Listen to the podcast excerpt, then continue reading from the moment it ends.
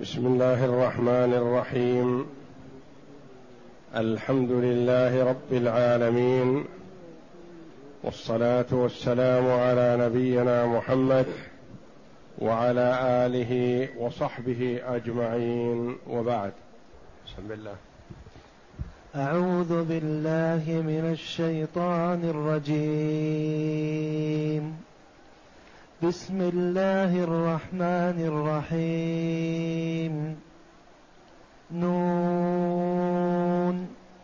والقلم وما يسطرون. ما أنت بنعمة ربك بمجنون. وإن لك لأجرا غير ممنون.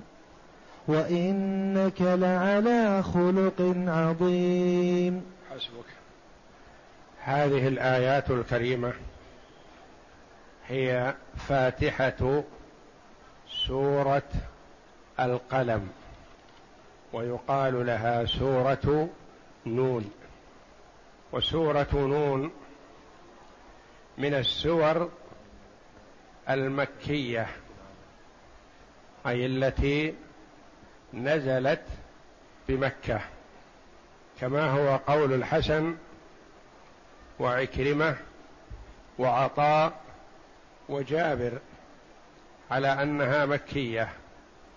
وعن ابن عباس رضي الله عنهما قال صدرها بمكة ثم بعده جزء منه بالمدينة ثم بعده جزء منه بمكة فهي مكية مدنية.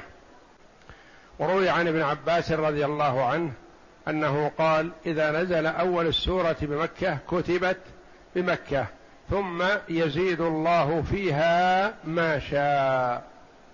فتسمية السورة في الغالب بأغلب أجزائها. يقال لها مكية حتى وإن كان فيها آيات نزلت بالمدينة. ويقال لها مدنية حتى وإن كان فيها آيات نزلت بمكة. وكان النبي صلى الله عليه وسلم إذا نزلت عليه السورة أمر كتبة الوحي رضي الله عنهم بكتابتها. وإذا نزل عليه آيات قال صلى الله عليه وسلم لكتبة الوحي اكتبوا هذه الآية في الآية في السورة التي فيها كذا. يعني قد تنزل آيات على النبي صلى الله عليه وسلم في المدينة تكتب في سورة مع سورة نزلت بمكة كما في هذه السورة سورة نون. وعن ابن عباس رضي الله عنهما قال كانت إذا نزلت فاتحة سورة بمكة كتبت بمكة ثم يزيد الله فيها ما شاء. وكان أول ما نزل من القرآن اقرأ باسم ربك الذي خلق. ثم نون ثم المزمل ثم المدثر. يعني فأولها أول هذه السورة آه، من أوائل ما نزل من القرآن. قوله جل وعلا نون والقلم وما يسطرون. نون. قيل في هذه الكلمة أنها من الحروف المقطعة التي نزلت على النبي صلى الله عليه وسلم يفتتح فيها بعض السور. ثم اختلف العلماء رحمهم الله في ذلك فقال بعضهم هي مما استأثر الله جل وعلا بعلمه فلا ندخل فيها في تفسير ولا قول بلا علم. نقول الله أعلم بمراده بذلك. أو نقول هذا مما استأثر الله بعلمه. مثل نون قاف صاد ألف لام راء ألف لام ميم راء حاميم وغير ذلك من الحروف التي نزلت في أوائل السور. وهذا القول مشهور عن كثير من أئمة السلف وعن الخلفاء الراشدين رضي الله عنهم. قالوا الله أعلم بذلك. هذا مما استأثر الله بعلمه. ومن العلماء من قال نتحرى فيها ونقول فيها بما يظهر لنا. فمنهم من قال مجموعها يستنتج منه اسم الله الأعظم. ومنهم من قال هذه الحروف أجزاء من أسماء الله جل وعلا. نون جزء من اسمه تعالى الرحمن. جزء من اسمه ناصر. وغير ذلك من الأسماء التي فيها اشتملت على حرف النون. ومن العلماء من قال هو اسم للسورة. ومنهم من قال اسم للقرآن. هذا على قول من قال إنها من الحروف المقطعة. قولان فيها. مشهوران وفيها أقوال أخر. وقيل إن كلمة نون هذه ليست من الحروف المقطعة وإنما هي كلمة والمراد بها كما روي الدوات لأنه ورد فيها التسطير الكتابة وورد فيها القلم فالمراد بنون الدوات التي فيها المداد الحبر. وقيل المراد بنون هو الحوت الذي على ظهره الأرض. الأرض استقرت على ظهر الحوت. وإن الحوت تحرك فماجت الأرض فثبتها الله جل وعلا بالجبال فالجبال تفخر على الأرض إلى يوم القيامة. يعني تحركت الأرض بحركة الحوت فثبت الله جل وعلا الأرض بهذه الجبال كما قال الله جل وعلا والجبال أوتادا وهي حرف واحد تكتب وتقرأ نون بثلاثة حروف مثل قاف. وصاد صاد صاء واحدة. وعند القراءة تقرأ صاد قاف كذلك. قاء فتقرأ عند القراءة قاف. ثلاثة حروف. صاد ثلاثة حروف. نون والقلم وما يسطرون. الواو حرف قسم. أقسم الله جل وعلا بالقلم. والله جل وعلا يقسم بما شاء من خلقه. فأقسم جل وعلا بالقلم وأقسم بالليل وأقسم بالضحى وأقسم بالشمس وأقسم بالقمر وأقسم بسائر بكثير من المخلوقات للفت النظر إلى عظمة هذا المخلوق والخالق جل وعلا أعظم وأعظم. وأما المخلوق فلا يجوز له أن يقسم إلا بالله تبارك وتعالى أو بصفة من صفاته.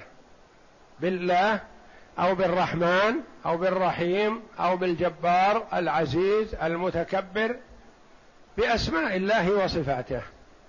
ولم لأن المرء إذا أقسم بشيء فقد أعطاه منتهى التعظيم.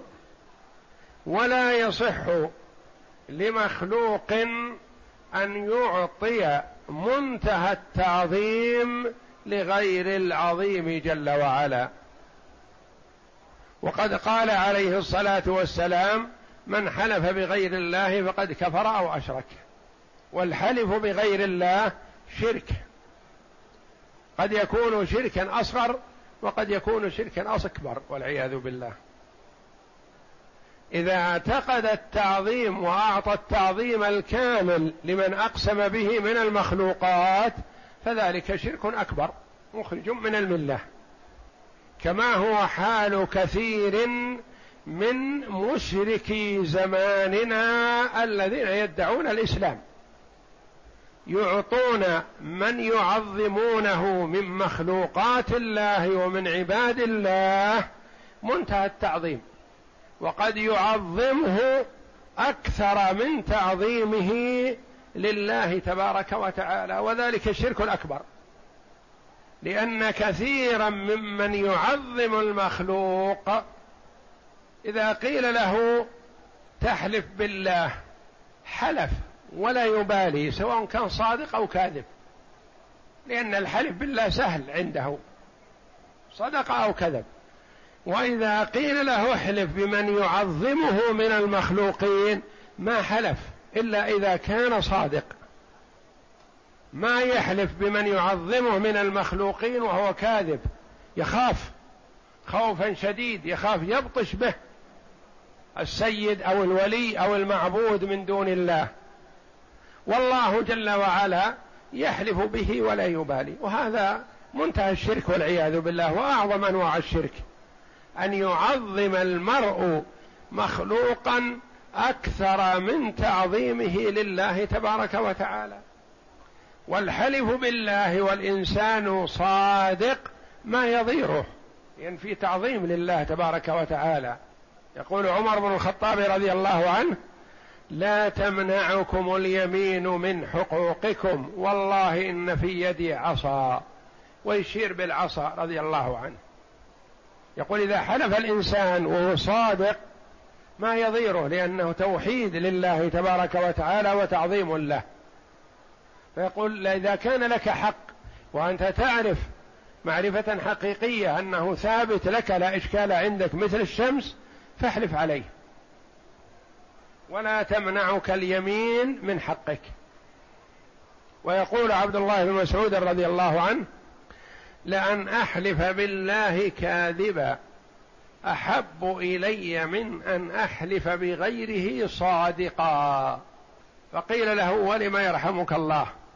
قال الحلف بالله والإنسان كاذب كبيرة من كبائر الذنوب. ما هو سهل. كبيرة من كبائر الذنوب. لكن الحلف بغير الله أكبر. شرك. والشرك وإن كان أصغر فهو أعظم إثما من كبيرة الذنوب. لا نحلف بالله كاذبا أحب إلي من أن أحلف بغيره صادقا. لأن المرء إذا حلف بغير الله وإن كان صادق أشرك. وإذا حلف بغير الله وإذا حلف بالله وإن كان كاذب فهو موحد لكن مرتكب كبيرة.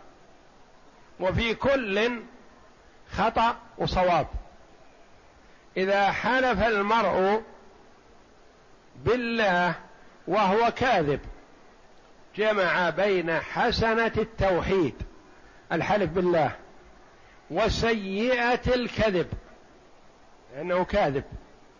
حسنة التوحيد أنه حلف بالله يعظم الله جل وعلا.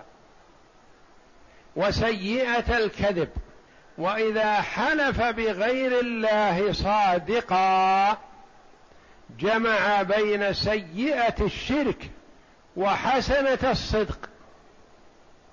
سيئة الشرك وحسنة الصدق. أيهما أحب على المرء إذا ابتلي بواحد منهما أن يأتي بحسنة التوحيد وإن كان معها سيئة الكذب. فهي أيسر وأسهل وأخف إثما من سيئة الشرك المقترنة بحسنة الصدق. سيئة الشرك مع حسنة الصدق أعظم إثما. وحسنة التوحيد مع سيئة الكذب أخف منها. يعني كل واحدة منهما فيها خير وشر. فيها حسنة وسيئة لكن شتان بين الحسنتين. حسنة الصدق أو حسنة التوحيد أيهما أعظم أجرى حسنة التوحيد. وسيئة الشرك وسيئة الكذب أيهما أكثر إثما؟ سيئة الشرك بلا شك. والله جل وعلا يقسم بما شاء من خلقه لأنه يقسم بما شاء ويفعل ما شاء سبحانه وتعالى لا يسأل عما يفعل وهم يسألون. ويقسم بالمخلوق تبارك وتعالى للفت نظر العباد إلى عظمة هذا المخلوق. وإذا بين الله جل وعلا عظمة مخلوق فعظمة الخالق أعظم وأجل. ولا يصح للمرء أن يقسم بمخلوق مستدلا بقسم الله جل وعلا بما شاء من خلقه. لا. نحن عباد مربوبون متبعون. يلزمنا أن نتقيد بما أمرنا به شرعا. فلا يجوز للواحد منا أن يحلف بالرسول عليه الصلاة والسلام وإن كان أفضل الخلق ولا يحلف بالكعبة شرفها الله ولا يحلف بأي نبي من الأنبياء ولا يحلف بأي ولي من الأولياء ولا يحلف بأي مخلوق كائنا من كان من كان حالفا فليحلف بالله أو ليصمت. نون والقلم وما يسطرون. يسطرون يكتبون. التسطير الكتابة. وما هذه يصح أن تكون موصولة ويصح أن تكون مصدرية. الموصولة هي التي يصلح أن تجعل مكانها الذي. والمصدرية التي تسبكها هي وما بعدها بمصدر. فيصح أن تكون كذا وأن تكون كذا. والقلم وما يسطرون والذي يسطرون. يعني والذي يكتبونه. أو والقلم وما يسطرون والقلم وسطرهم. يعني سطرهم كتابتهم. مصدر. كتابة وسطر. سطر يسطر سطرا. نون والقلم وما يسطرون يعني ما يكتبونه ما يكتبونه بهذا القلم. وفي هذا لفت نظر لهذه النعمة العظمى. نعمة القلم نعمة عظيمة. يقيد به المرء ما يخشى عليه من النسيان. يخاطب به البعيد بالكتابة. يحفظ به العلم الذي في ذهنه يكتبه. يسجل فيه ما يريد ويكتب يجده بعد السنوات الطويلة محفوظ. يوثق به العقود والعهود والمواثيق بين الناس وفيه مصالح عظيمة امتن الله جل وعلا به في قوله الرحمن علم القرآن خلق الإنسان علمه البيان. وفي قوله تبارك وتعالى اقرأ باسم ربك الذي خلق خلق الإنسان من علق. اقرأ وربك الأكرم الذي علم بالقلم. وهي نعمة عظيمة. أقسم الله جل وعلا في أول هذه السورة بشيئين وهما القلم وما يكتبه أو ما يكتب. قيل ما يكتبه الحفظة الملائكة وقيل ما يكتبه كل كاتب. أين جواب القسم؟ عندنا أداة القسم وهي الواو والقلم والمقسم به القلم وما يسطرون شيئان والمقسم عليه الذي هو جواب القسم يسمونه جواب القسم ثلاثة. ما أنت بنعمة ربك بمجنون وإن لك لأجرا غير ممنون وإنك لعلى خلق عظيم. أقسم الله بشيئين على ثلاثة أشياء. كرم الله وميز وفضل رسوله صلى الله عليه وسلم بها. أقسم بأنه عليه الصلاة والسلام بنعمة الله التي أنعم الله عليها بها ليس بمجنون كما يزعم الكفار. وقالوا يا أيها الذي نزل عليه الذكر إنك لمجنون. يقول الكفار عن الرسول صلى الله عليه وسلم الذي أعطاه الله جل وعلا رحابة الصدر وحسن الخلق العظيم يقولون له إنك لمجنون. لو واحد من الناس يقول لواحد منا أنت خفيف العقل ما يقول أنت مجنون كان يثور. يقولون له يا أيها الذي نزل عليه الذكر وهذا تناقض منهم.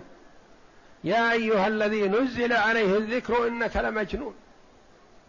ما يصير ينزل عليه الذكر ويكون مجنون. الذكر ما ينزل على مجنون. لكن هذا التناقض من الكفار. ويصبر ويتحمل ويتلطف بهم ويدعوهم إلى الله. ويأتيه ملك الجبال يقول يا محمد إن الله سمع ما قلته لقومك وما اجابه اجاب أجابك قومك به. وإن الله أرسلني إليك إن شئت أطبقت عليهم الأخشبين. هذا وهذا. أطبقت عليهم الجبلين على كفار مكة ملك الجبال.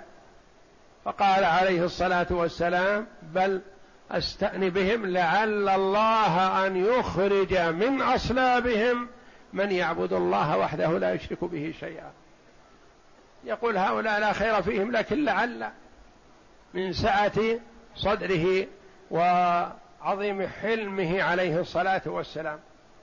ويقولون له يا أيها الذي نزل عليه الذكر إنك لمجنون. ويقولون عنه شاعر ويقولون كاهن ويقولون ساحر ويتحمل ويصبر ويمشي خلفه عمه أبو لهب ويقول لا تطيعوه هذا ساحر هذا كاذب هذا كاهن. ونحن أعلم به ونحن أعرف به وهو ولدنا. يحذر عنه الناس ويصبر ويتحمل عليه الصلاة والسلام. ما أنت بنعمة ربك بحمد ربك ونعمته التي أنعم الله جل وعلا بها عليك وميزك بها وشرفك بها وأكرمك بها وهي نعمة الرسالة. ما أنت بنعمة ربك بمجنون لست بمجنون. ثم بشره الله جل وعلا بالبشارة العظيمة فقال وإن لك لأجرا غير ممنون. أبشر بالخير. لك أجر في الدنيا غير منقطع. حتى وإن مات عليه الصلاة والسلام وعمره ثلاث وستون سنة فأجره مستمر. ما من مسلم يعمل لله بطاعة إلا وللرسول صلى الله عليه وسلم مثل أجره من غير أن ينقص من أجر المسلم شيء. أي واحد من أمة محمد صلى الله عليه وسلم عمل طاعة لله فللرسول صلى الله عليه وسلم مثل أجره. لأنه هو الذي دلنا على كل خير. من دعا إلى هدى فله مثل أجور من تبعه من غير أن ينقص من أجورهم شيء فالرسول صلى الله عليه وسلم أول من دعا إلى هدى.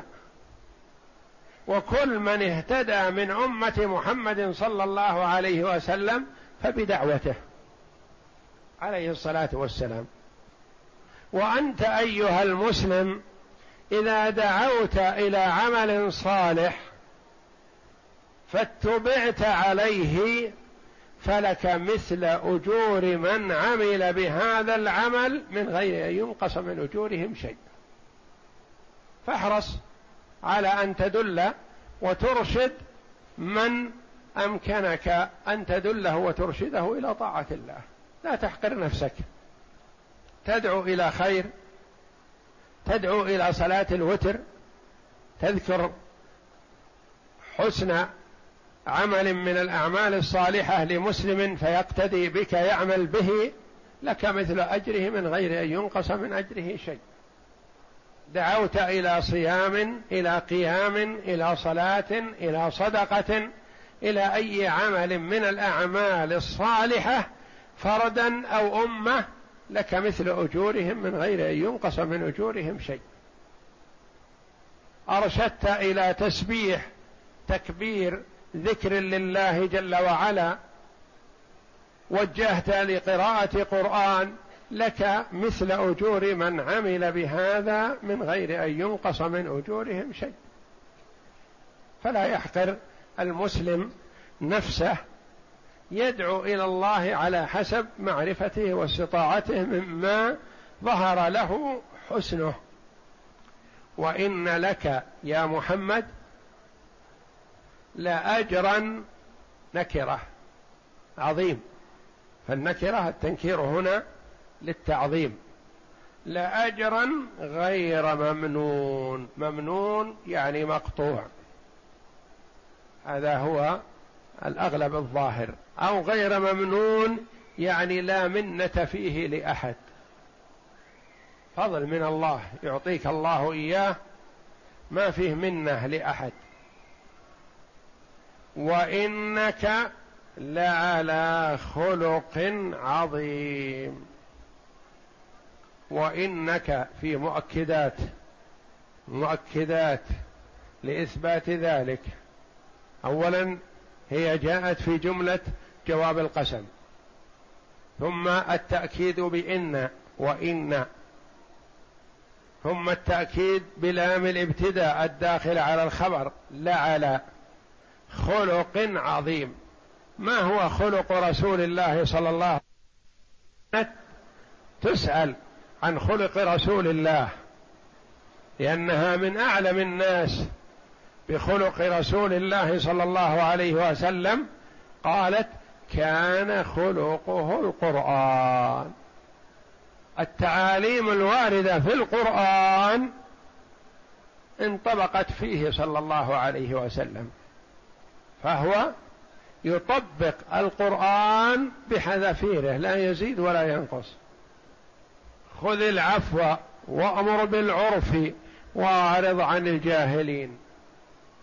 وشاورهم في الأمر. ولو كنت فظا غليظا لانفضوا من حولك.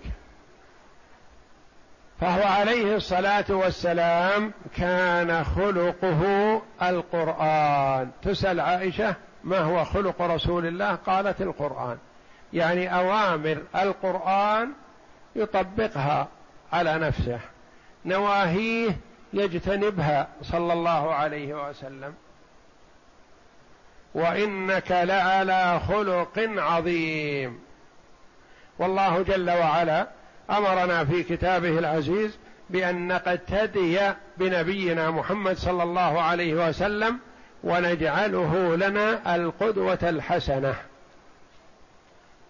لقد كان لكم في رسول الله أسوة حسنة.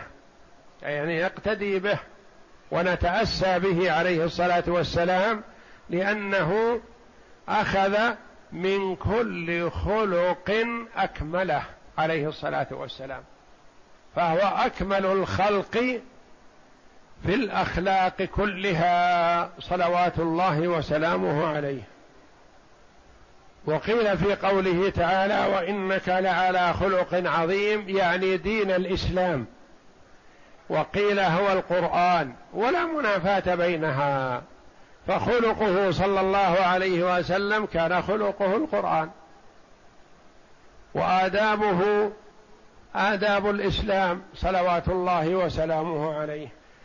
فعن سعد بن هشام قال أتيت عائشة رضي الله عنها فقلت يا أم المؤمنين أخبريني بخلق رسول الله صلى الله عليه وسلم قالت كان خلقه القرآن. أما تقرأ القرآن إنك لعلى خلق عظيم. وعنها قالت ما كان أحد أحسن خلقا من رسول الله صلى الله عليه وسلم. ما دعاه أحد من أصحابه ولا من أهل بيته إلا قال لبيك.